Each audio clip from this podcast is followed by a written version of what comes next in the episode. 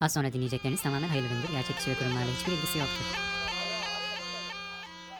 Az önce sepetinin içinde uyuyordu. Bagacısının dürtüklemesiyle dikiliverdi öfkeyle. Saldırı pozisyonunda kobra dansı başladı. Kobra Bircim hoş geldik. Ben nasıl geldiğimizi pek anlamadım. Bir anda kayıt tuşuna bastın ve Kobra Bircim diye konuya girdin ama hoş bulduk Kobra ikicim. Nasılsın hayatım? Kutlanamayan Cumhuriyet gibiyim diyorum. Bunu geçen hafta demiştim galiba. Eskitme kendini istersen başka bir şey bul. Bulamayacağım. Kutlanamayan Cumhuriyet gibiyim. Yetmedi çünkü. Yetmedi. Yettiremeyenlerdensin sen de. Ben en öndeydim Maltepe'de ama gene de yetmedi yani. En az bir o kadar daha bir kutlamanın yapılması gerekiyormuş gibi. Sanki birkaç sahnenin daha kurulması gerekiyormuş en az İstanbul'da ve Türkiye'nin dört bir tarafında gibi. Memleketimden bazı haberleri aldım işte küçük kasabalardan, ilçelerden. Neredeyse hiç kutlanmamış noktasında. Aynı kasabalarda 75. yılı hatırlayan insanlar ya bütün herkes sokaklara dökülmüştü işte meşaleler onlar bunlar fener alayları falan bambaşka bir atmosfer vardı. Ne değişti 25 yılda diye merak e, konusu oldu tabi. Artık bakalım. Bizi dinleyenler zaten cevabını veriyordur bu sorunun 25 yılda neyin değiştiğinin sorusunun herhalde. Öyle. Vermişlerdir geçen bölümü dinlediklerinde. İmamoğlu bir sahne kurmuş ama koca ağaç dikmiş ortasında iki tane köprü yapmış. O köprüler açıldı, kapandı neler.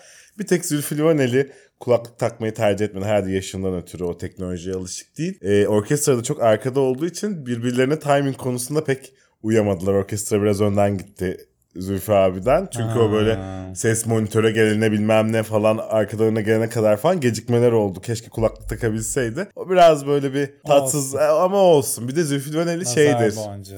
E, seyirciyle birlikte söylemeyi sever. Orada da orkestra hep düşer seyirci e, söylemeye başladığında onu da pek beceremedi orkestra. Sesini de alamadı seyirci kısımlarında. Seyirci kısmına çok bastırıldı orkestra tarafından falan. Olmadı yani. O kadar büyüğüne de gerek var mıymış diye sordurdu. Edis çıktı. Koca ne da Anadolu ateşiyle çıktı Edis. Yüzlerce dansçı falan sahnede ama yani falan. Anlatabiliyor? Kuş kadar kaldılar yine de yüzlerce kişi olmalarına rağmen. Ha, dev bir sahne. Sıla iyice tek başına çıktı. Böyle siz az önce burada uçan sinek gibi görünüyordu sahnede yani. O kadar devine gerçekten gerek de var mıydı diye soruyorum ister istemez. Böyle Ekrem bir Bey de büyük seviyor ama Sayın Cumhurbaşkanımız gibi. Aa, hiçbir konuda aşağı kalmıyor kendisinden. hiç. Asla. Neyse zaten gündemde de Cumhuriyet konuşacağız. Ee, Ahmet Hakan kutlamaların unutulmazları başlıklı bir yazı yazmış. Onunla açıyoruz gündemi. Onunla birlikte biz de neleri unutamadık diye konuşacağız. Sosyal medya hesaplarımızı hatırlatalım. Twitter'ımız CobraPod, Instagram'ımız Cobra Cobra Podcast.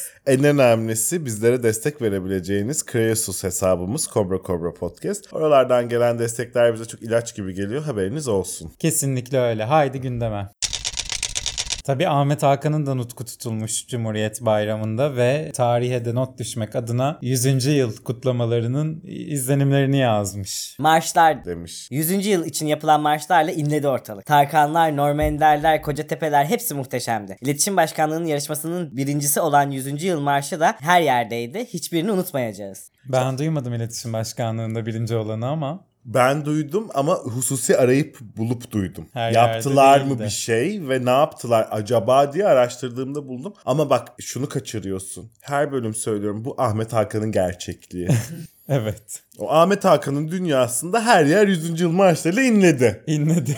Ama ben şimdi bu realite İstanbul sokaklarında ki ben bu Cumhuriyet Haftası çok sokaktaydım. Hiçbir yerin bir şeyle inlediğini duymadım. Arada Evet. Kadıköy'de böyle coşup İzmir Marşı söyleyenler falan vardı. O kadar yani. İnanılmaz. Yürüyüşler. Belediyelerin düzenlediği yürüyüşlere ayrı bir yer açmak lazım. Ben Şişli Belediyesi'nin düzenlediği yürüyüşe tanık oldum. Kalabalık muazzamdı. Coşku görülmemiş orandaydı. Unutulmaz bir yürüyüştü bu. O konuda haklı. Belediyelerin yaptığı özellikle İstanbul'daki yürüyüşler unutulmazdı. Ama işte hep böyle belediyeler, büyükşehir belediyeleri eliyle yapıldığı için bu toptan, merkezden bir kutlama bir şey yapılmadığı için işte bu kasabalara ulaşmadı bu coşku ne yazık ki. Bunu Yani söylemeye bizzat çalışıyorum. sen birinci ağızdan aktarıyorsun Evet yani ulaşmadığını ulaşmamış aslında. ve bu bahsettiğim yer Tekirdağ yani böyle şeyden bahsetmiyorum hani Bayburt'tan falan bahsetmiyorum. Olsun Nişantaşı'na ulaşmış kutlamalar. E ulaşı bir zahmet yani Caddebostan'a da ulaşmıştı. Burada var mıydı bir şeyler? Hiç. Yani. Hep rekor kırar bu tür günlerde Anıtkabir ziyaretçi sayısı ancak bu kez rekorun rekoru geldi. Muazzam bir kalabalık ziyaret etti Anıtkabir'i. 100 yıl önce Cumhuriyeti kuran Atatürk'e 100 yıl sonra gösterilen bu müthiş ilgi unutulmayacak. Atatürk'ü böyle bir popstar edasıyla ele alması gerçekten şaşırtıcı. Değil e, savaşlara şarkı gönderen bir insan Ahmet Hakan Nes'e şaşırıyorsun. Yani Atatürk'e de popstar muamelesi çekmesi çok normal bence çok, yani. Çok yani ona yıllar sonra bile gösterilen bu ilgi diye sanki şey Seyyal Tener yani. Unutuldu da tekrardan ünlü oldu gibi. Burada şöyle bir parantez açmak isterim bu arada Ahmet Hakan ciddiyetsizliğinin altına ciddi bir parantez. Bu böyle evet çok güzel. Tabii ki çok güzel ama Anıtkabir'e giderek, Dolmabahçe'ye giderek anarak yine tabii ki bu da çok önemli. Ama bir yandan da anlayarak kısmı da bir o kadar önemli. Onu da böyle arada sanki anarken atlamamak mı gerekiyor? Bu cumhuriyetin temel kuruluş felsefesi nedir? Temel ilkeleri nelerdir? İşte Atatürk'ün altı ilkesi bunlar nelerdir? Ne anlama gelir? Bunu bir de şey de değil. Böyle 1923 çerçevesinde de değil. 2023 çerçevesinde nereye karşılık geliyor bunlar? Şimdi Atatürk'ün milliyetçilik dediği şeyi 1923'ün milliyetçiliğiyle anlarsan bugün yanılırsın. Veya Atatürk'ün halkçılık dediği şeyi o günün halkçılığı üzerinden anlarsan bugün yanılırsın. Bugün ne demek? Bu laiklik ne demek 2023'te? Gibi. Devletçilik ne demek? O günün devletçiliğiyle bugünün devletçiliği bir olabilir mi? Mümkün değil. Ama bu çerçeveden 2023'e bir bakmak, bugün bu ilkeler çerçevesinde nasıl bir yerde yaşayabiliriz? Eğer uygularsak nasıl sonuçlar elde edebiliriz diye düşünmek de bir o kadar önemli diye düşünüyorum. Ama işte hayatım bunu yapabilmek için de insanların karnının tok olması gerekiyor. Bir düşünsel sürece geçebilmek için. İnsanlar açlıkla mücadele ediyorlar şu an Türkiye'de. Eşi benzeri görülmemiş bir ekonomik krizle. Ama işte bunlar, bu ilkeler, bu kurucu temel esaslar aslında doğru düzgün uygulansa, liyakat olsa memlekette Zaten zaten bu ekonomik kriz de çözülecek, açlıkça çözülecek, adaletsizlik de çözülecek. Açız, yarın yarın nasıl ekmek alalım mı düşününce sadece yarına kurtarabilirsin. 10 yıl sonra, 20 yıl sonra hatta belki işte Mustafa Kemal'in zamanında yaptığı gibi 100 yıl sonra evlatlarım, torunlarım bu memleketin üstüne nasıl yemek yiyip ekmek yiyebilecekler diye düşündüğün zaman hiç merak etme bugün de çok kolay kurtulur. %100 katılıyorum. %100 katılıyorum ama bir seküler atak geçiriyorsun şu an Kıvılcım. Evet. Hoş geldin Kıvılcım. Ama öyle bir şeye de denk geldik ki yani hepimiz de robotlaştırıldık. 29 Ekim daha 29 Ekim'de eskidi. Başka bir şey konuşulmaya başlandı. Sürekli yeni bir şey var. Hiç bitmeyen başka bir şey yani. Hep, Hep yeni, yeni bir, bir haber. gündem. Hep yeni bir gündem. Şu an bile eski bir şeyi konuşuyoruz yani aslında. Bu da enteresan geliyor bana düşününce bilmiyorum. Senin de dediğin gibi aslında hep hatırlamak gerekiyor. Yani o hatırlamayı uzakta tutan şeyleri düşünmek lazım. Evet anlamak gerekiyor, sindirmek gerekiyor. Ahmet Bey'e geri dönelim hadi biz. Dönelim. Devlet millet. Valilikler de kutladı, belediyeler de. Devlet de kutladı, millet de kutladı. Milletin kutlamasıyla devletin kutlaması arasında ayrışma olmadı. Temalar aynıydı, vurgular aynıydı, coşku aynıydı, unutulmayacak. Hep bir referans olacak bu. Bu da yine Ahmet Hakan gerçekliği. Çünkü e, valilikler evet belediyeler kutladı. Devlet de millet de kutladı. Oraya kadar okey. Ama milletin kutlamasıyla devletin kutlaması arasında çok ciddi bir ayrışma ne yazık ki ister. Hissedildi. Yani Hissedildi hissedildi. E, Temalar ve vurgular hele bambaşkaydı. Yani Apayrı dünyalardı yani. apayrıydı. Özellikle milletin kutlamasında e, ciddi bir cumhuriyetçilik, demokrasi ve laiklik ve hukuk adalet vurgusu varken devletin kutlaması daha yeni yüzyıl. Tadındaydı. Tadın- 3000 yıllık devlet tadındaydı onlar. Evet 3000 yıllık devlet vurgusundaydı devletin e, kutlamaları daha ziyade. Coşkuysa sanki milletinkinde vardı da devletin Filistin. Den dolayı biraz buruk bir coşkuydu. Değil mi? Donanma. Demiş. Türk donanmasının Boğaz'da yaptığı büyük gösterinin görüntüleri hem etkileyici hem de büyüleyiciydi. Devasa gemilerin Boğaz'dan geçişleri düşmanlarda nasıl bir duygu uyandırdı bilmem ama dostlara güven verdiği kesin. Kim bu düşmanlar ya? Ee, Yunanistan paniğe kapılmış ve haber yapmışlar. Adeta bize meydan okuyor Türk gemileri tadında. Ahmet Bey de muhtemelen onlara söylüyor. Ya vardır tabii ki onların da radikali. Çünkü Sayın Cumhurbaşkanımızın bir gece ansızın gelebiliriz çıkışları da onları korkutuyor. Hakikaten böyle bir şey de sürprizlerle dolu olduğu için beklenen de birisi. Ya sen Yunan basınında bir A haber olmadığını düşünüyor musun? Mutlaka var. Muhakkak var. Onlardan birisi de ulan bize mi bu hareket yazmıştır muhakkak yani anlatabiliyor muyum? E, Ahmet Bey'in de onu okuyup ciddiye alması çok şaşırtıcı değil. normal, çok Yani. normal. Tarafsız bir bölgede olduğu için kendisi. Bayrak. Demiş. Melih Cevdet'in Şinanay şiirinde ada vapuru şöyle tanımlanır. Bayraklar donanmış cafcaflı. Tüm Türkiye Melih Cevdet'in tarif ettiği ada vapuru gibiydi. Yandan mı çarklıymışız yani memleket çay nasıl laflar bunlar delirmiş bu iyice. Bak bu Dominik şarkısını şey mi manifest mi yaptık ne oldu adam? Bayraklar donanmış cafcaflıydı yani. Unutulmaz unutulmaz. Bu arada haksız da değil gerçekten memleketçe de bir yandan çarklılığımız da var yani.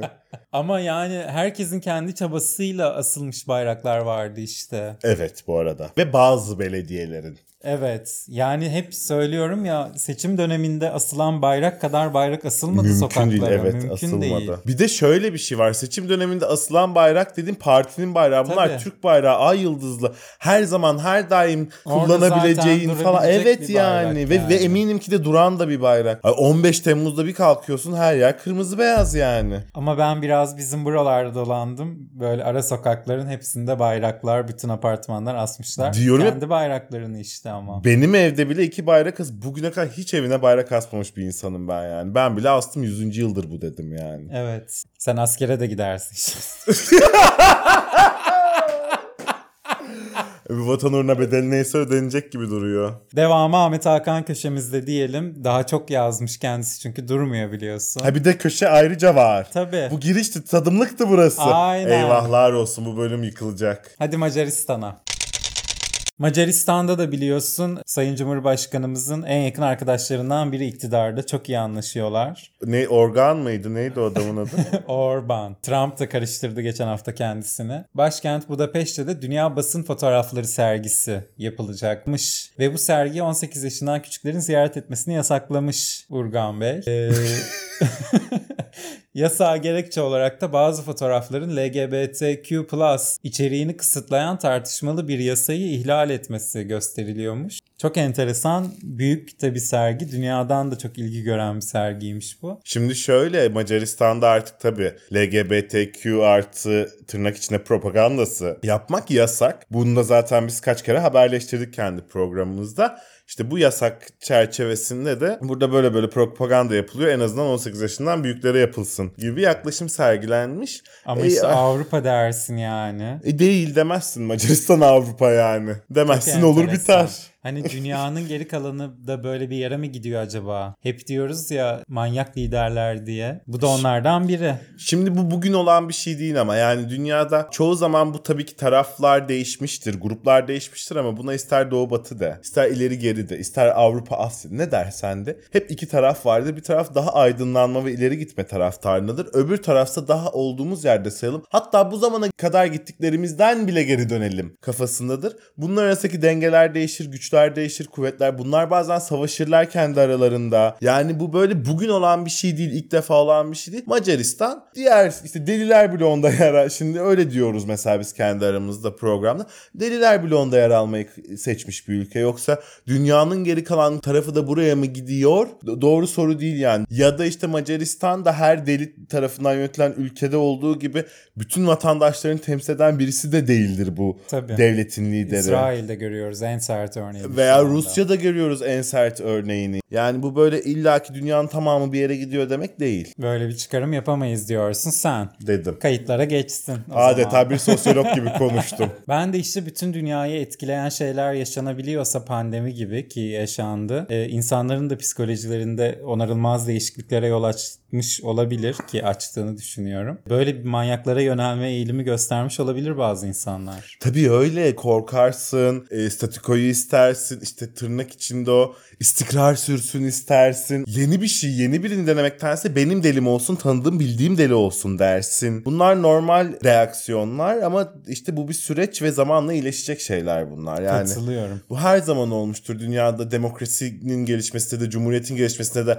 hukukun gelişmesinde de arada e, yoldan çıkıldığı, arada kaza yapıldığı, sekteye uğradığı muhakkak olmuştur. Ama bu demek değildir ki bu ilerleme geri dönmüştür veya durmuştur. Hayır. O kaza geçtikten sonra kaldığı yerden devam etmiştir ilerleme her zaman. En basitinden Roma ve Fransa iki farklı ülke mesela örnek verirsek kaç kere bir imparatorluk oldu, bir cumhuriyet oldu, bir imparatorluk oldu, bir cumhuriyet oldu. Böyle işte ilerleme durdu eyvah bir daha hiç ilerleyemeyeceğiz diye korkmanın bir anlamı yok. Bir an önce silkelenip nasıl ilerleyebiliriz, nasıl aydınlanabiliriz, bunu toplum olarak hep birlikte nasıl yapabilirizin çözümlerini Peşine aramak gerekiyor. lazım. Herkesin kendi üzerine düşeni yapması lazım. Aynen aslında. öyle.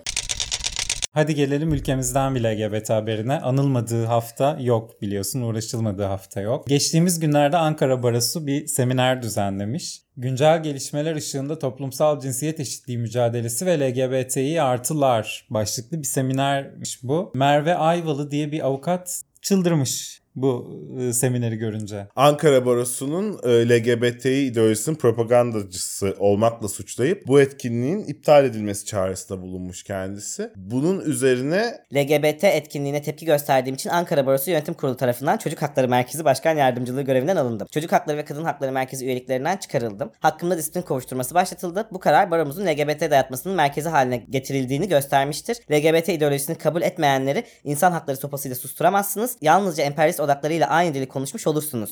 gibi tweetler atmış. Öncelikle Ankara Barosu'na bir tebrik buradan kocaman alkışlar yollamak Ya istiyorum. barolar bu konuda tabii üstüne düşen görevi sonuna kadar yerine getiriyorlar. İşte geçen hafta İstanbul Barosu Kadın Hakları Merkezi Yürütme Kurulu'ndan Esma arkadaşımız bizimle birlikteydi. Barolar hakikaten bu Üstüne konuda düşeni yapıyorlar. bir de tartışılır yani LGBT hakları işte cinsiyet eşitliği veya ne bileyim kürtaj hakkı da tartışılır. Anlatabiliyor muyum? Hukukçular bunu tartışırlar, tartışmalıdırlar. Yani hanımefendi en yakın kliniğe gitmeli. Ben benim yorumum bu. şahsen. Yo bence bence benim meslektaşıma tavsiyem keşke bahsi geçen seminere gidip derdini orada anlatsaymış. bir tartışma düzlemi yaratsın. Evet çok daha faydalı seminere de çok büyük katkısı olurdu hanımefendi. Ama işte hanımefendinin işi tek seminerle çözülebilecek gibi değil hayatım. ben o yüzden onu takıldım. Yani LGBT dayatması dediği şey yani içi boş. İdeoloji olarak ele alınabilecek bir şey değil LGBT zaten. Ya bak biz hukuk fakültesi birinci sınıfta 18 yaşında çocuklar kadın sünneti tartışıyorduk. Tartışılır. Tartışılır. Anlatabiliyor muyum? Hukukçuysan bütün değerlerini, bütün her şeyini, bütün inançlarını,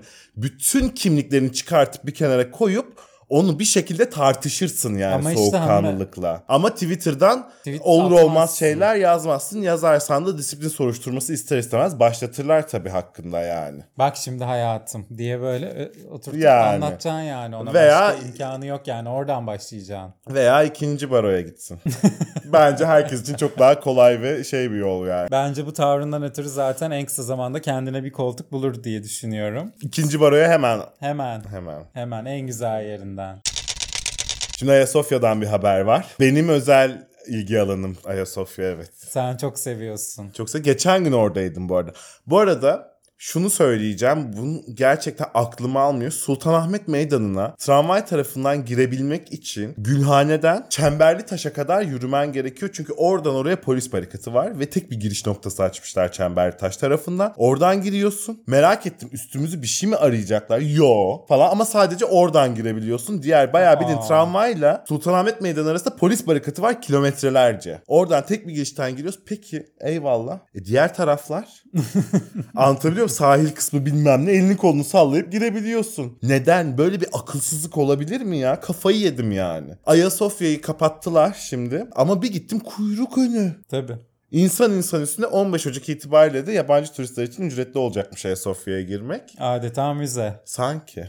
Değil mi? Müze kartsız Türk vatandaşları da giremiyor bu arada aramızda kalsın. Aa. Yani Ayasofya'ya girmek, Türk vatandaşı olarak girmek için de müze kartının olması gerekiyor. Müze olmuş yani bayağı Ayasofya. Hayır, müze kartla girilen bir cami. Olsun o da güzel. Her müze şey- cami, postmodern, yeni, eklektik. Aynen Anlatabiliyor öyle. Hem cami, hem müze, hem müze Her kart. şeyin ilkinin bizde olması gibi aslında bunun da ilki bizde. Dünya örnek alsın diyorum. Ne diyeyim? Bir deha yani. Sanki bu bir de bu zamana kadar Ayasofya'nın hakikaten bir kısmı müze, bir kısmı da ibadethane olarak kullanılmıyormuş gibi, bir gibi de. tabii. Darphane Cumhuriyet'in 100. yılına özel 5 TL madeni para üretti. 100 milyon tane üretmişler ve bir defaya mahsus olduğunu açıklamışlar. Ama bana nedense e, ihtiyaçtan dolayı bir kaktırma söz konusuymuş gibi. Yani daha kibar bir kelime yok. Kaktırılmış gibi hissediyorum. Isınma turu. Diyelim. Madeni 5 lirayı bakalım nasıl karşılayacaklar. Halkımız çok sevdi. Bir tur daha basıyoruz. 100 milyon değil 1 milyar tane basıyoruz bu sefer diye. Halkımızın yoğun ilgisiyle karşılandı 5 liralarımız diye. Ki e, Sözcü'nün kulis haberine göre de darphane madeni 2,5 lira basmak için hazırlıklarını tamamlamış. Erdoğan'ın onayını bekliyorlarmış. Her şeyde Erdoğan onayını bekliyor biliyorsun memlekette. Her Tabii. şey. Tabii. Öğretmen atamaları, maaş zamları, para basmak, Fındık fiyatı, Fındık fiyat- zeytinyağı fiyatı, her, her, şey. Ne Literally istiyorsan. her şey. Dış işleri, iç işleri, işleri. aile, her şey. Her şey. Çok zor. Çok zor Çok işte. zor. Şu anda 1 liranın basım maliyeti 2.30 kuruşmuş. 2 Ee, lira 30 kuruş yani. 2 lira 30 kuruşmuş. Madeni 2,5 liralar da aynı maliyete basılacakmış. Zarara girmeyelim bari denmiş. Yani açıkçası. E bir ara biz de haberleştirmiştik bu konuyu. Madeni paraları toplayıp şeylere, hurdacılara satıp daha çok para alıyor insanlar artık yani. Paranın içindeki metal daha kıymetli. 1 lira 2.30'muş işte. Öyle düş. Aa. Şaka gibi. Vay bizim halimize. Ama hükümetimiz bu konularla ilgili harıl harıl çalışmalar yürütüyor. Proje üstüne proje açıklıyor. Yarın Cumhurbaşkanımız kalkar der ki asgari ücret 20 bin lira oldu konu kapanır. Aynen öyle. Ama öbür gün açlık sınırı kaça yükselir onu bilemeyeceğim. Onun garantisi yok. Onun garantisi yok. Ama evlenecek gençlere sıfır faizli kredi verecekmiş Sayın Cumhurbaşkanımız. 4 yıllık kredi 2 yıl geri ödemesiz ve sıfır faizle verilecekmiş. Kredi için gelir ve yaş kriteri olacakmış. Yaş sınırı 18-27'ymiş. Bunu da kaçırdık desene. Yani benim burada tabii en çok ilgimi çeken şey 18-27 yaş arasındaki gençlere Evlenin diyor. Evlenin 27'den sonrası evde kalmış evet olması asıl. 27'den sonra bir zahmet kendi paranla evlen, evlen diyor. demesi. Yani 18-27 yaş arası gençlerin evlenmek dışında yapabileceği sınırsız e, etkinlikleri vardır diye düşünüyorum. Belli ki yok artık. Sayın Cumhurbaşkanımız düşünmüyor belli ki. Belli ki. Sanki bir de e, onun içinde çabalıyor yani. Evet. 18-27 yaşındaki gençler evlenip evde çocuk bakmak dışında yapabilecek daha aktivite var mı şu anda? Yok. Zaten yok. Geri kalan her şey e, çocuk bakmak da çok büyük para ama işte kredi veriyor, destek veriyor, süt parası diyor, bok parası diyor, bes parası diyor falan anlatabiliyor muyum? Devlet en azından onu afford ediyor. Ama öbür taraftan ben 18-27 yaş arası dediğim gibi bir gece dışarı çıkayım desen tam tersi vergi diyor, o diyor, bu diyor. Otur evinde çocuk bak diyor ya. Bu kadar Aynen basit öyle. yani. Ki geçtiğimiz haftada nüfusumuz çok az Çıkışını, demişti evet. biliyorsun. Çocuk yapmanız lazım. Neden olduğunu şimdi burada uzun uzun anlatamam. demişti Sayın Cumhurbaşkanımız. Umarız ki anlatır biz de öğreniriz bir gün neden olduğunu. Çünkü e, Avrupa Birliği'nin ülkemizdeki Suriyelilerin durumuna dair bir raporu açıklandı bu hafta. Yaklaşık 3,5 milyon bebeğin aşılandığı yazıyor bu raporda. Şimdi şu açıdan bakmak lazım ona. Bir Anneleri. aşılanmayanları eklemek lazım. O bebeklerin en az annelerini ve birçoğuna da babalarını hatta kardeşlerini de ekleyince ortaya böyle 10-15 milyon gibi korkunç bir rakam çıkıyor. İnanılmaz. Atatürk'ün vizyonunu işte bak kaç yüzyıl önceden milliyetçilik demiş ve onu öyle bir yere oturtmuş ki aslında bugün anlıyorsun onun ne olduğunu. Demiyor ki kafatasın, rengin, konuştuğun dilin, ırkın, ıvırın, zıvır bunu demiyor. Diyor ki ortak ülke, ortak vatan. Bu, bu memleketten ortak beklentin var mı yok mu? Eğer öyleyse bu memlekete dair ortak beklentilerin, ortak umutların, ortak hüzünlerin, ortak bir hissiyatın varsa sen bu milletin bir parçasısın diyor. Vatandaşlık üzerinden bir milliyet tanımı var aslında Atatürk'ün. Ve bunu 100 yıl öncesinde yapıyor yani. E şimdi bugünden baktığın zaman, bugün Atatürk'ün milliyetçiliğinden baktığın zaman işte artan Orta Doğulu göçmen diyeceğim ben sadece Suriyeli diye kısıtlamak da Tabii. bence doğru değil. Özellikle Orta Doğu ve Afrikalı göçmenlerin sayısının bu kadar artması aslında bizim yıllardır kendi aramızda Rum, Ermeni, Kürt, Çerkez, Laz bilmem ne diye ayrıştığımız insanlarla ne kadar benzediğimizi, ne kadar aslında bir millet olduğumuzu da anlamamızı sağladı. Kesinlikle Çünkü o kadar bize benzemeyen insanlarla yaşıyoruz ki şu anda. O böyle işte tırnak içinde söylüyorum bunu. Çok amiyane ve çirkin bir yerden söylüyorum. Aa bu Kürt dediğimiz insanın görmez olduk o farkı. O anlatabiliyor muyum? Küçük nüanslar da onlar aslında. insanların Kürt olması, Rum olması, Ermeni olması, Laz olması. O nüanslar artık görmez olduk. Yani kesinlikle çok haklısın ki 15 milyon ne demek yani? Ne demek? demek? Ne demek? Ki sığamıyoruz, yaşayamıyoruz. Bir de beni en başından beri sen de biliyorsun dinleyicilerimiz de biliyor. Ben çok insani bir yerden yaklaşıyorum E, buraya. hepimiz, Evet ya hepimiz. bu insanların gerçekten sığınacak bir yere ihtiyaçları var. Bu kabulüm yani benim. Evet çözüm bulunmalı. Ama işte bu bu çözüm yolu getirip burada tırnak içinde çok aa, yine çirkin bir yere başıboş bırakmak değil yani. Bir düzeni olur bir şey olur yani. Tarihin en düşük seviyesindeymiş İstanbul'un barajları %18'e düşmüş. Yakında Bodrum'a dönecek burası. Yani orada da tanklarla su sağlanıyor insanlara şu an. Orada bitmiş. Yaşayamıyoruz yani artık. Evet, kaldırmıyor evet, bu şehir. Kaldırmıyor. Bu ülke bu şehir kaldırmıyor. Bu ülkenin bu kadar sayıyı kaldırabilecek potansiyeli var mı? Konuşulur. Ama işte bu potansiyele göre ve bu planlanarak mı alınıyor bu insanlar? Ne yazık ki hayır. Öyle olsa gerçekten canım şey yapmayacak ya yüreğim gam yemeyecek. E, yarısı boş duruyor ülkenin. Diğer yarısına toplanmış herkes. Evet. Coğrafi olarak yani. Ve, ve mesela yani bu böyle bir bilim insanları bunu sıkça söylüyorlar. Atıyorum işte Suriye'den kaçan Suriyelileri almak yerine Çin'den kaçan Uygurları alsanız bu insanlar toprak işlemeyi biliyor, çiftçilik biliyor, hayvancılık biliyor ve Anadolu'da köyde insan yok bu işi yapacak artık ve beden gücü gerekiyor bu iş için. En azından ülke ekonomisine, ülke üretimine bir faydası olur. Hani bu gelen insanların iyileri ve iş yapacakları zaten Avrupa tarafından kapıldı ve bu gelen insanlar bu işte beden işçiliği de yapmıyorlar. İşte bu ülkenin potansiyelini ortaya çıkarabilecek belki falan. Bu işe de yaramıyorlar. Niye buradalar gibi böyle acayip acayip sorular soruyorlar. Haklılar da gibi görünüyor yani. Ee, bir de hep birlikte kötü durumda ya- yaşıyoruz yani. Hep geri dönen oldu. Türkiye şu an Suriye'den daha kötü deyip gidenler oluyor üstüne. Yani. Neyse bu konuyu böyle konuş konuş Ümit Özdağ'a dönüşüyoruz hepimiz sonunda. En fazla Bahadır Erdem'e dönüşürüm. evet. Bu 200 lira diye böyle burada krize girerim en fazla yani. yani benim gelebilecek milliyetçilik seviyesi Bahadır Erdem yani. Ben de bir Ümit Özdağ çok zor. Çok zor. Ama senden Meral Akşener çıkıyor arada. diyor. Kocamı aldattıysam ailem için katlim vaciptir diye bir kriz geçiresin var senin arada. Bu da asla gülünecek bir açıklama değil tabii Türkiye Şeye döndürdük programımızı da iyice Habertürk'te sabaha kadar Celal. Aynı gibi değil mi? Uyudu ya kobralarımız iyice bu bölüm. Şimdi Şimşek'ten haber var. Çakılacaklar merak etmeyin. Hazine ve Maliye Bakanlığı'na geçiyoruz buradan. Mehmet Şimşek sürprizlerin bakanı oldu kendisi biliyorsun son günlerde. Bazı HES, liman, otoyol ve köprülerin özelleştirme kapsamında bulunduğunu söylemiş kendisi. E bunların özel olmayanı var mıymış? Varmış, Devletin elinde liman, otoyol, köprü kalmış mı? kalmış. Bunların hepsi yap işlet ve sonra devretme değil mi ya? Ben bir tek biz kaldık zannediyordum satılmadık.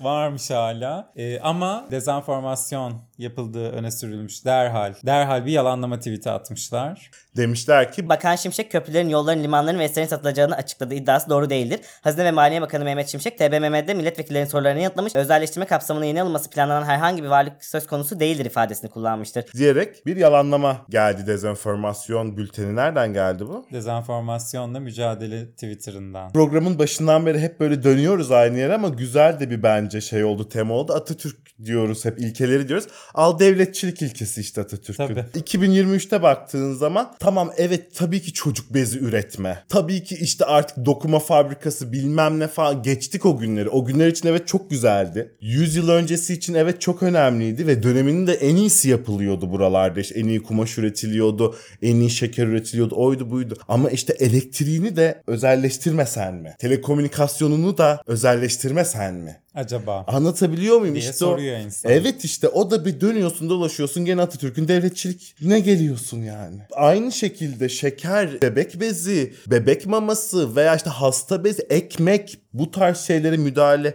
gerekir mi? Devlet bunu yapmalı mı? Belediyeler mesela halk ekmek üretmeli mi? Üretmemeli dediğinde de yine o işte devletçilik ve halkçılık aslında birbiriyle çok çelişebilecek unsurlarken onların çizgilerinin nerede başlayıp nerede bittiği sınırlarının. Aslında hepsi çok net uygulandığında tabii. akıl almaz bir vizyon yani. Anmak değil anlamak üzerinden baktığında çok önemli şeyler. Yani işte halkçılık ve devletçilik bir arada nasıl oluyor? İşte böyle oluyor. Kesinlikle. Yalanlanan haberi ama Anadolu Ajansı yapmıştı. Mehmet Şimşek'in özelleştirilecek yerleri söylediğini Anadolu Ajansı söylemişti. O da enteresan. E tepkiye göre geri gelir Anadolu Ajansı'nda yalanlarsın. Ya Devir o devir post-truth çağ. tam olarak hiç kimse güvende değil. Hiç kimse- hiç Game kimsenin of ge- Thrones evrenindeyiz şu an adeta.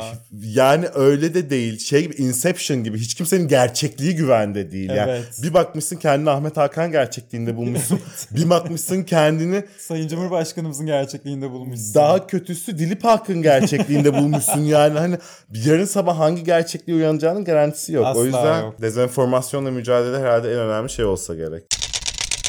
Tutuklamalar, gözaltları, hapishaneler ve nezarethaneler. Bunlarla dolu bir haftaydı. Tolga Şardan tutuklandı bu hafta. Yılların gazetecisi biliyorsun. T24'te bir köşe yazısı yazmıştı. Yargıdaki istismar ve çürüme iddialarının artık kontrol edilemez hale gelmesi MİT başkanlığını harekete geçirdi. Bunun üzerine bu bilginin halkı kin ve düşmanlığa tahrik ettiği, yalan bilgi içerdiği ve dezenformasyon yaptığı e, iddialarıyla e, Tolga Bey gözaltına alınıp tutuklanmış. Tolga Şardan ise ifadesinde 35 yıldır gazeteciyim. 17 İçişleri Bakın 32 Emniyet Genel Müdürü ile gazeteci bürokrat veya gazeteci siyasetçi ilişkisi üzerinden çalışmışlığım var. Hiçbir dönemde yazdığım haberlere yalanlama olmamıştır. Bugünkü yazımda yalanlanmamıştır. Gibi bir açıklamada bulunmuş. Yani evet yani Yalanlanmıyor yazı. sadece bunu böyle yazarsan halkı kim ve düşmanlığa sevk edersin diyor. Ve bu yazıdan sonra da kin ve düşmanlığa sevk olmuş ya da ayaklanma başlatan, kışkıran da bir halk olmamış. Olmamış. Öngörüler bu yönde. Bu arada evet rasyonel baktığında değil mi? Aklın alıyor mu senin yani? Bir gazetede çıkıyor ki memleketinde rüşvet almış yürümüş adalet sisteminde neler neler yani o yazıyı okuduk. Her ne kadar yayın yasağı gelse de ve ayaklanma çıkmıyor. E üstüne MIT bu konuyu araştırıyormuş dediğin zaman o halk niye ayaklansın zaten? Hiç. Oturur bekler Yani. araştırma sonucunu yani. Öyle bir hale geldik çünkü. Aynen öyle. Bir yandan yazıyı da e, en güvenilir gazetecilerden biri yazıyor. Hiçbir haberinin yanlış çıkmadığı bir gazeteci. Anadolu Adalet Başsavcısının mektubundan sonra bunları kaleme almaya başlıyor kendisi. Yani öyle kendi kendine bir anda rüyasında görüp Ahmet Hakan gibi hissettiklerinde yazmıyor yani. Ama Anayasa Mahkemesi'nden ilginç bir haber var. Tolga Şardan'ın tutuklanmasının ardından halkı yanıltıcı bilgiyi alenen yayma maddesinin iptal talebine sürpriz bir şekilde gündeme getirmişler. Öne çekmişler ve e, acilen bu konuyu görüşeceklermiş. E tabi yani bazı konuların Bu yeni aciliyeti var. çıktı biliyorsun zaten. Geçen sene biz de haberini Evet. vermiştik. İşte bazı konuların aciliyeti vardır ve öne çekilip görüşülmesi gerekir. Anayasa Mahkemesi bir süredir hukuka uygun kararlar veriyor. O yüzden umarız bu konuda da yine o e, hukukun getirisini, evrensel hukuk değerlerini falan göz önünde bulundurarak bir karar verirler diyelim. Ve tabii buradan da ister istemez insanın aklına yargıda neler oluyor sorusu geliyor yani. Tolga Şardan da bir gazeteci olarak oraları kurcalamakta haklı diye düşünüyorum. Grubun elinden öbür grubun eline geçerken önceki gruptaki bazı günah keçileri gibi. Yani böyle şey gibi değil. Fırın teknolojisinden air fryer teknolojisine geçilmiyor da Evet. ağır çelik fırından beko fırına geçiliyor gibi düşün. Ama olan da nedense hep MHP'lileri oluyor bu süreçte. Özellikle Süleyman Soylu'nun İçişleri Bakanlığı'nı kaybetmesinin ardından. Bak kim Dilan Polat'la Engin Polat'a patladı bütün kabak yani. Tabii. Döndü dolaştı onlara patladı hayret bir şey.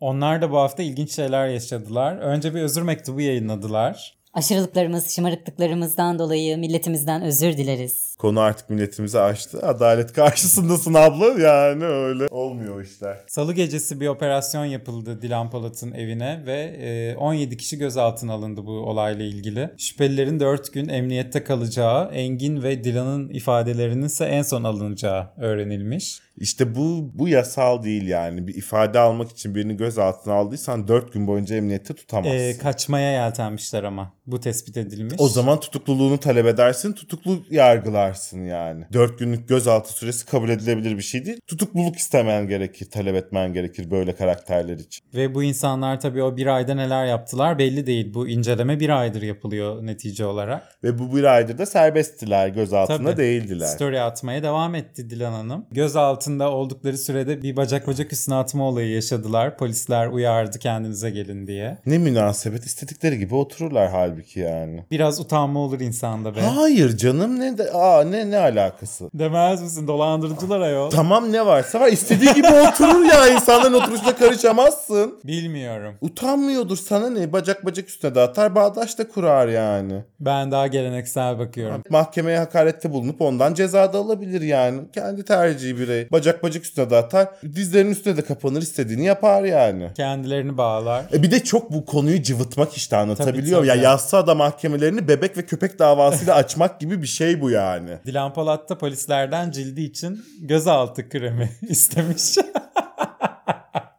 Benim cildim çok önemlidir. Gözaltı kremimi getirin bana hemen. demiş. Polisler de tabii ki bu isteği reddetmişler. Yani ablacığım kendine gel demişler. Ya işte tabii bu olayları dediğim gibi tamamen sulandır. Zaten bu karakterlerin seçilmesinin sebebi de o. Yani sulu karakterler oldukları için. Bu mesele ne kadar sulandırılırsa o kadar başka yerlerdeki dikkatleri daha çok üstüne çekecek. Ama işte konu e, bu çift değil ya aslında. Bu çiftle birlikte yeni Türkiye'nin yükselen trendi dolandırıcılık, dolandırmadan, para çalmadan, kara para aklamadan e, olunamayan zenginlik. Ama aslında tema bu yani bu Ama işte olayda. Çekilen dikkat bacak bacak üstüne atması, gözaltı kremi istemesi, yok efendim özür mektubu yayınlaması falan. Tamam abi yargılama süreci nasıl ilerliyor, nasıl deliller nasıl toplanıyor, neler çıktı ortaya. Sadece Dilan ve Engin Bey ikisi bütün koca devlet uyurken mi yapmış bunları yani? Gibi soruları da sormayı engelliyor bunlar işte. Bırak nasıl oturursa otursun. Evet. Orada ne dediği önemli anlatabiliyor muyum? Onları da duyacağız diye düşünüyorum. İnşallah.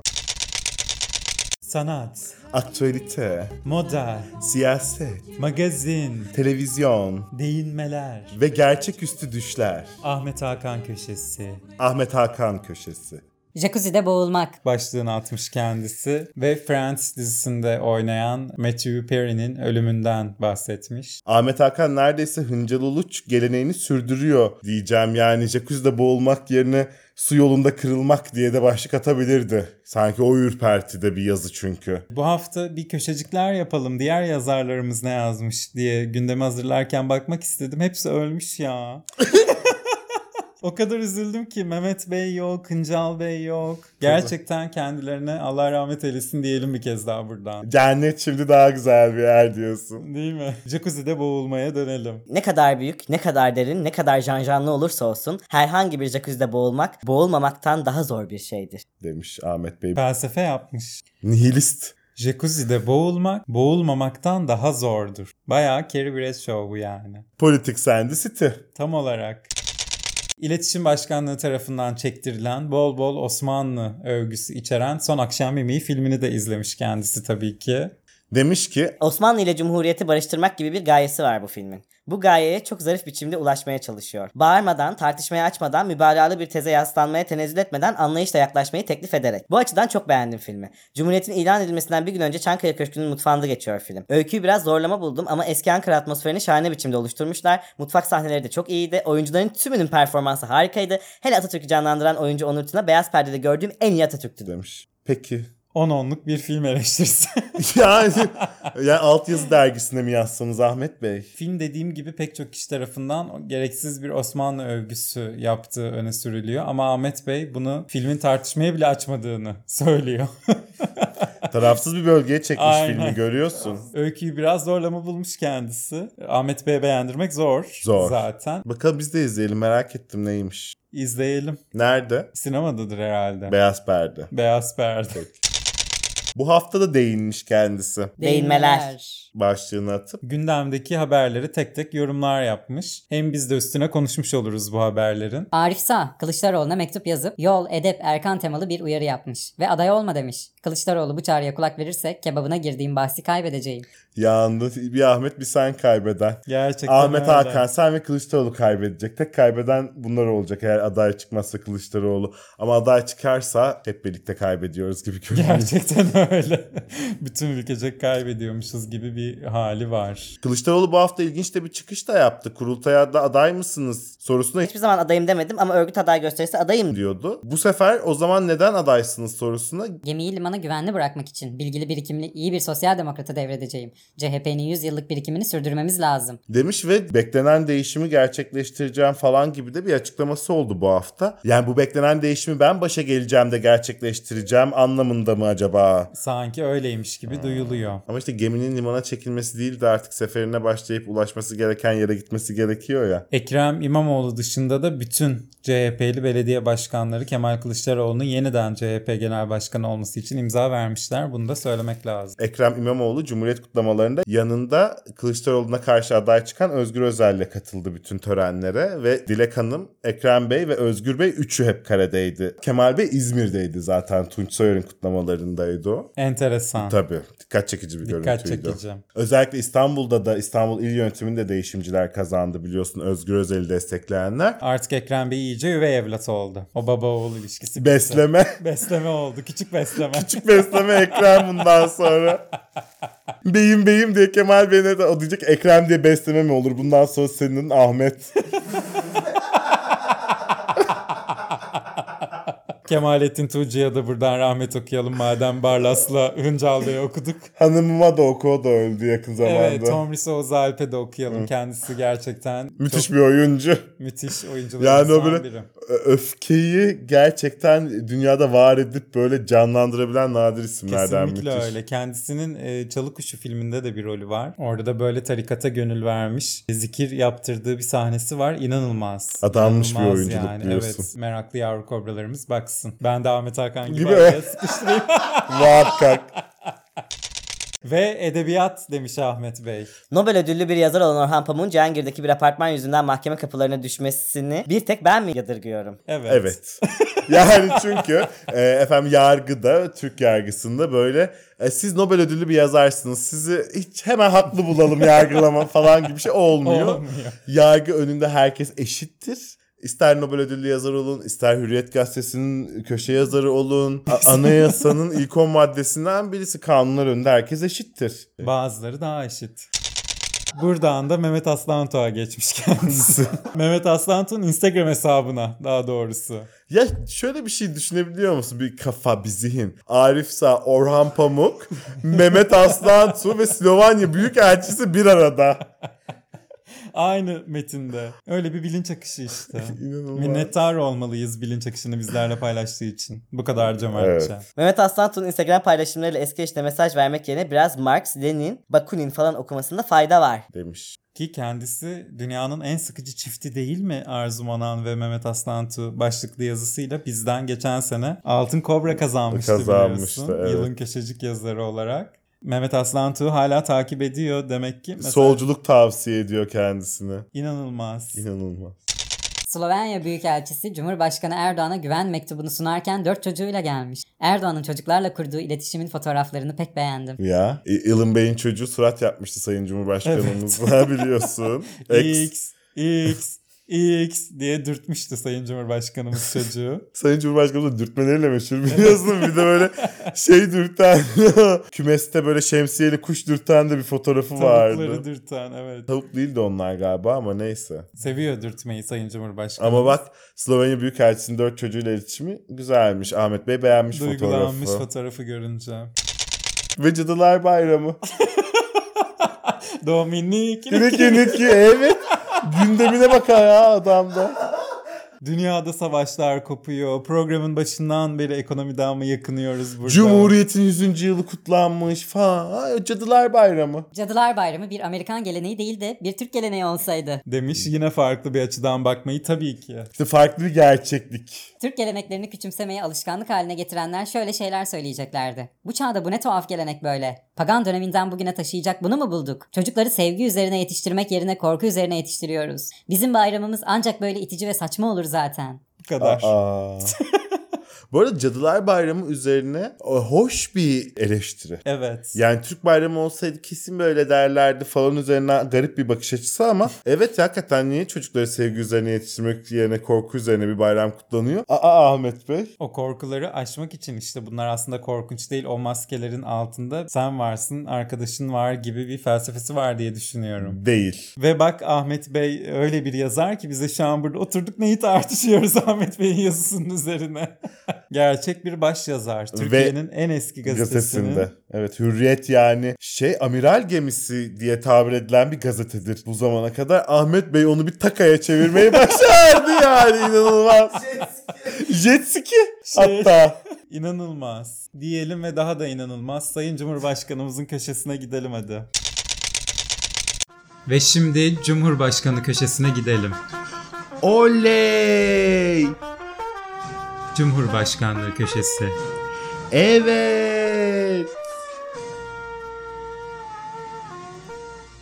Kendisi biliyorsun cumartesi günü Büyük Filistin mitingi yaptı ve 1,5 milyon kişi katılmış bu mitinge. Orada da ey İsrail açıklamalarına devam etti. İsrail, biz de seni savaş suçlusu olarak dünyaya ilan edeceğiz. Bunun hazırlığı içindeyiz. Savaş suçlusu olarak İsrail'i dünyaya tanıtacağız. Birleşmiş Milletler de İsrail evet. büyük bir hazırlık içerisinde. Ve İsrail'i e, galiba ciddi bir oy farkıyla savaş suçu işlediği yönünde zaten bir karar çıktı Birleşmiş Milletler Genel Kurulu'nda. Ki bu hafta da bombalamalar devam etti. Mülteci kamplarını, hastaneleri, okulları ne buldularsa neresi var dümdüz, Yerle bir ettiler. yani. dümdüz vaziyette zaten şu anda Gazze. Tabi sadece İsrail değil Batı'ya da seslendi Sayın Cumhurbaşkanı bu mitingde. Ey Batı size sesleniyorum. Yeniden bir Hilal Haçlı mücadelesi mi estirmek istiyorsunuz? Eğer böyle bir gayretin içindeyseniz biliniz ki bu millet ölmedi. Ama e, Hilal değil Davut Yıldızı. Yahudiler yani İsrailliler. Evet. Nasıl haç nereden çıktı? Jesus böyle şey ben ne alaka diye soruyor değil mi şu anda yani? Batı İsrail'i destekliyor ya o açıdan yaklaşmış diye düşünmek istiyorum. Hilal'de İran, Irak, Suriye, Falan. Pakistan, Afganistan biz hep birlikte herhalde öyle Muhtemelen. Hilal olarak. Yani 21. yüzyılda olayı bir din savaşına sanki gibi. Ama işte karşısında oraya gelen bir buçuk milyon insan da bunları duymak istiyormuş gibi. E, öyle zaten. Hamas Sayın Cumhurbaşkanımızın gözünde zaten terörist olmadığını söylemişti. Değil, geçen mücahitler hafta. grubu Evet. dedi ya. Neyin aklı yani daha? Ve Netanyahu'ya terörist diyor Sayın Cumhurbaşkanımız. E savaş suçlusu Netanyahu da bu arada. Tabii bu mitingden sonra da İsrail Dışişleri Bakanı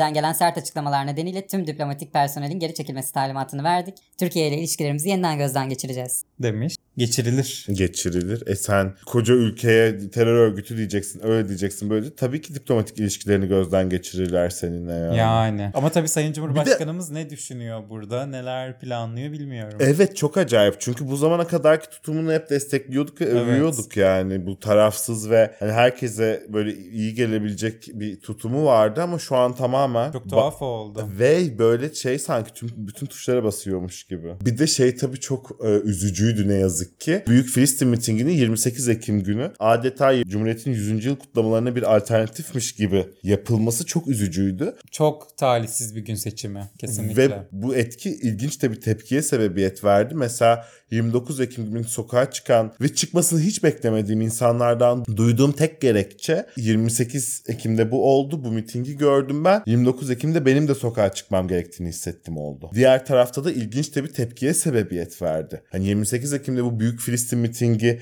yapılmasaydı belki 29 Ekim'deki kutlamalar da bu kadar ihtişamlı ve büyük olmayacaktı kent meydanlarında. Büyük şehirlerin meydanlarında en azından gibi. Eminim Sayın Cumhurbaşkanımız da 29 Ekim katılımlarının artması için böyle bir e, Büyük Filistin mitingini hemen öncesinde yapmıştır. Aksini düşünemiyorum. Ben de öyle. Bu arada hazır 29 Ekim kutlamalarından bahsederken şu detayı değinmeden geçemeyeceğim. Ben Sayın Cumhurbaşkanımızın bütün tebrik kabul edişini baştan sona seyrettim. Ben de öyle. Neredeyse bin kişiye yakın kişinin elini sıktı tek tek ve tebrikleri kabul etti bir kişi hariç. Özlem Zengin. Elini uzatmadı Sayın Cumhurbaşkanımıza. Kolu kırık hanımefendi bile uzattı. Uzattı. Kırık kolunu uzattı Sayın Uzattı. Cumhurbaşkanımıza. Cumhurbaşkanı da bu ne böyle diye sordu. Kendi dilinde. O da kırıldı efendim merdivenden yuvarlandım dedi muhtemelen. Eyvallah dedi Sayın Cumhurbaşkanımız ve gö- gönderdi kendisi içeri uğurladı. Ama Özlem Zengin elini uzatmadı Sayın Cumhurbaşkanımıza böyle bir göğsüne vurarak eyvallah işareti yapıp geçti. Yani muhtemelen tabii inancından ötürüdür. Ben Sayın Cumhurbaşkanımıza bir tepki olarak elini sıkmadığını düşünmüyorum Özlem Hanım'ın. Ben de öyle düşünmedim zaten. Ama enteresan tabii. Entere dikkat çekici bir görüntü. Yani bir cumhuriyet resepsiyonunda Cumhurbaşkanının elinin sıkılması kadar da doğal bir şey ne bileyim yani. Ben de öyle. Sayın Cumhurbaşkanımız sabahtan akşama kadar Cumhuriyet kutladı diyebiliriz o gün. Ankara'dayken Cumhuriyetimiz hiç olmadığı kadar güvendedir, emin ve ehil ellerdedir. Ya bunu Sayın Cumhurbaşkanımızın Anıtkabir'de söylemiş olması bana çok ironik geliyor. Yani Ricky Gervais'den daha kara bir mizahmış gibi yani. evet. Yani bunu atanın Anıtkabir'in anı defterine yazıyor. Diyor ki Cumhuriyetimiz hiç olmadığı kadar güvendedir. Atam rahat uyu diyor. Neyse. Öyle diyorsa öyledir. Öyledir. Emin ve ehil ellerde. Emin ve ehil. Tam olarak. Muhakkak. Türkiye Cumhuriyeti binlerce yıldır elden ele aktarılan muazzez bir hazinedir. Bugün Cumhuriyetimiz bizim için hem bir iftihar meselesi hem de bir ilham kaynağıdır. Bu Anıtkabir'in siyasetçilerde zaman algısını kaybettiren bir etkisi var anladığım kadarıyla. Biliyorsun Tansu Çiller de 75. yıl yazısını yazarken Cumhuriyetimizin bir, bir asırlık Cumhuriyetimizin ikinci yüzyılında işte Cumhuriyeti kurduğunuzdan 50 yıl sonra 75. yılı kutlarken falan gibi bir yazısı var. Ama Tansu Hanım'ın kafa hep öyle. Git geldi yani o. Ama Sayın Cumhurbaşkanımız da Türkiye Cumhuriyeti binlerce yıldır elden ele aktarılan muazzam bir hazine. İşte 3000 yıllık devlet. Sayın Cumhurbaşkanımız Ama işte bu 3000 hep- yıldır Türkiye Cumhuriyeti değil ya. Ama o hep bu perspektiften baktığı için zaten ya. Ben de şeyi merak ettim bu açıklamadan sonra. Cumhuriyetin tam olarak neresi Cumhurbaşkanlığı hükümet sistemine ilham vermiş olabilir diye bir soru doğdu tabii benim aklıma ister istemez. Çünkü kendisi sözlerini bugün Cumhuriyetimiz bizim için hem bir iftar meselesi hem de ilham kaynağıdır diye devam etmiş. Bugünkü başkanlık sistemi e, tam olarak Cumhuriyet'in neresinden ilhamla oluşturuldu? Enteresan bir soru. Bakalım değil mi? Çünkü programın başından beri bu altı ilke ışığında bakıyoruz. Cumhuriyetçilik, devletçilik, halkçılık, milliyetçilik, devrimcilik, laiklik. Hepsi bir kişide. Müthiş. Belki devrimcilik kısmı. Çünkü bir şeyleri devire devire Sayın Cumhurbaşkanımız öyle ilerliyor biliyorsun bu Kendisine sisteminde. zaten ben bir devrimciyim Dedi, evet. demiştir biliyorsun Sayın Cumhurbaşkanımız. Büyük devrimci ama. Öyle. Öyle. Hiçbir şey eskisi gibi olmadı. Evet 2002'de iktidara ilk geldiği Sözünün gün kur- evet bundan sonra Türkiye'de hiçbir şey eskisi gibi olmayacak dedi. Ve oldu. Müthiş bir devrimcilik işte bu. Kendisi Sağlıkta hastane yatak sayımız 1923'te 12 bini bulmazken 2002 yılında 164 bine, bu yıl ise 268 bine yükseldi. Kişi başına düşen milli geliri de 1923 yılına göre kat be kat arttırdık. diye kendisini bir de Mustafa Kemal Atatürk'le karşılaştırdı. karşılaştırdı. Ve Ee, bugünü de o günkü savaş koşullarıyla Larıyla. yeni kurulmuş bir cumhuriyetle karşılaştırdı. Enteresan 16 tane lise varmış. O gün. Halkın %10 veya 17'si farklı iddialar var. Hadi 20'si 20'si olsun, olsun. benden. Yani. Hadi 25 olsun ya. Seni mi kıracağım yani? Dörtte biri ya. İnanabiliyor musun? Okuma yazma bilen sayısı yani. Neyin tıbbı neyin hastanesi yani. Nerede neyle neyi. Ve savaş var. Savaştayız ayol. Savaştayız yani. Savaş var.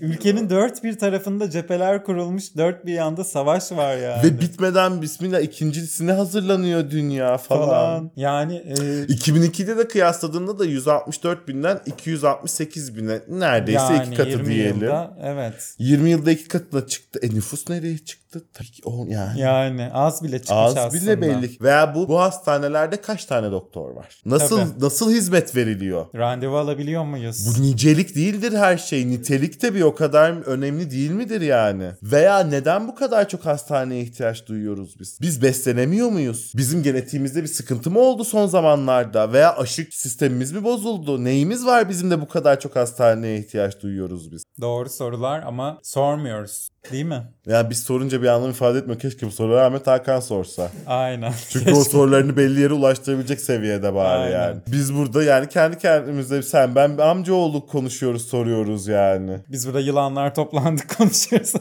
Hiç yılanlar Şameran ve şey ne o kızın adı Serenay.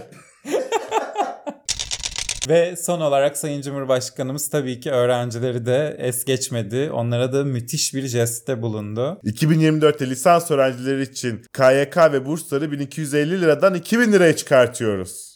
Yüksek lisans öğrencileri için 2500 liradan 4000 liraya çıkarıyoruz. Doktor öğrencileri için 3750 liradan 6000 liraya çıkarıyoruz dedi. Oo aman Allah'ım.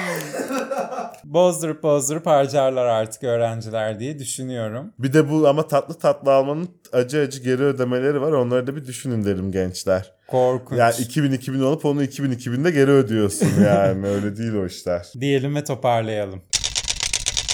Vallahi Kobra Biricim geçen hafta mükemmel bir bölüm yapmışız. Biraz 1 saat 10 dakika göz korkutucu gibi gözüküyor olabilir ama e, 10 cum- saniye gibi başlıyor ve bitiyor adeta. kesinlikle hem Cumhuriyetimizin 100. yılını kutlamışız hem de 100. yılda nerelerdeyiz, ne yapıyoruz, ne hallerdeyiz. Bu da adeta bir devam bölümü gibi oldu neredeyse. Çok tatlı ikili bir böyle bir ders kıvamında bölümler çekmiş olduk. Bak hemen şimdi sahibinden girip özel dersler kaç para bakılsın ona göre Kreasus hesabımız Kobra Kobra Podcast. Twitter'ımız da Kobra Pod, Instagram'ımız Kobra Kobra Podcast. Bizleri buradan takip edip Kreasus'tan destek olursanız biz daha büyük coşkularla çekeriz bu bölümleri diyelim. Haftaya, Haftaya görüşmek, görüşmek üzere. İşleri bitince sakinleşiyorlar. Sonra yeniden sepete. Neyse ki buna razılar. Aksi halde yılanların öcü durumu ortaya çıkardı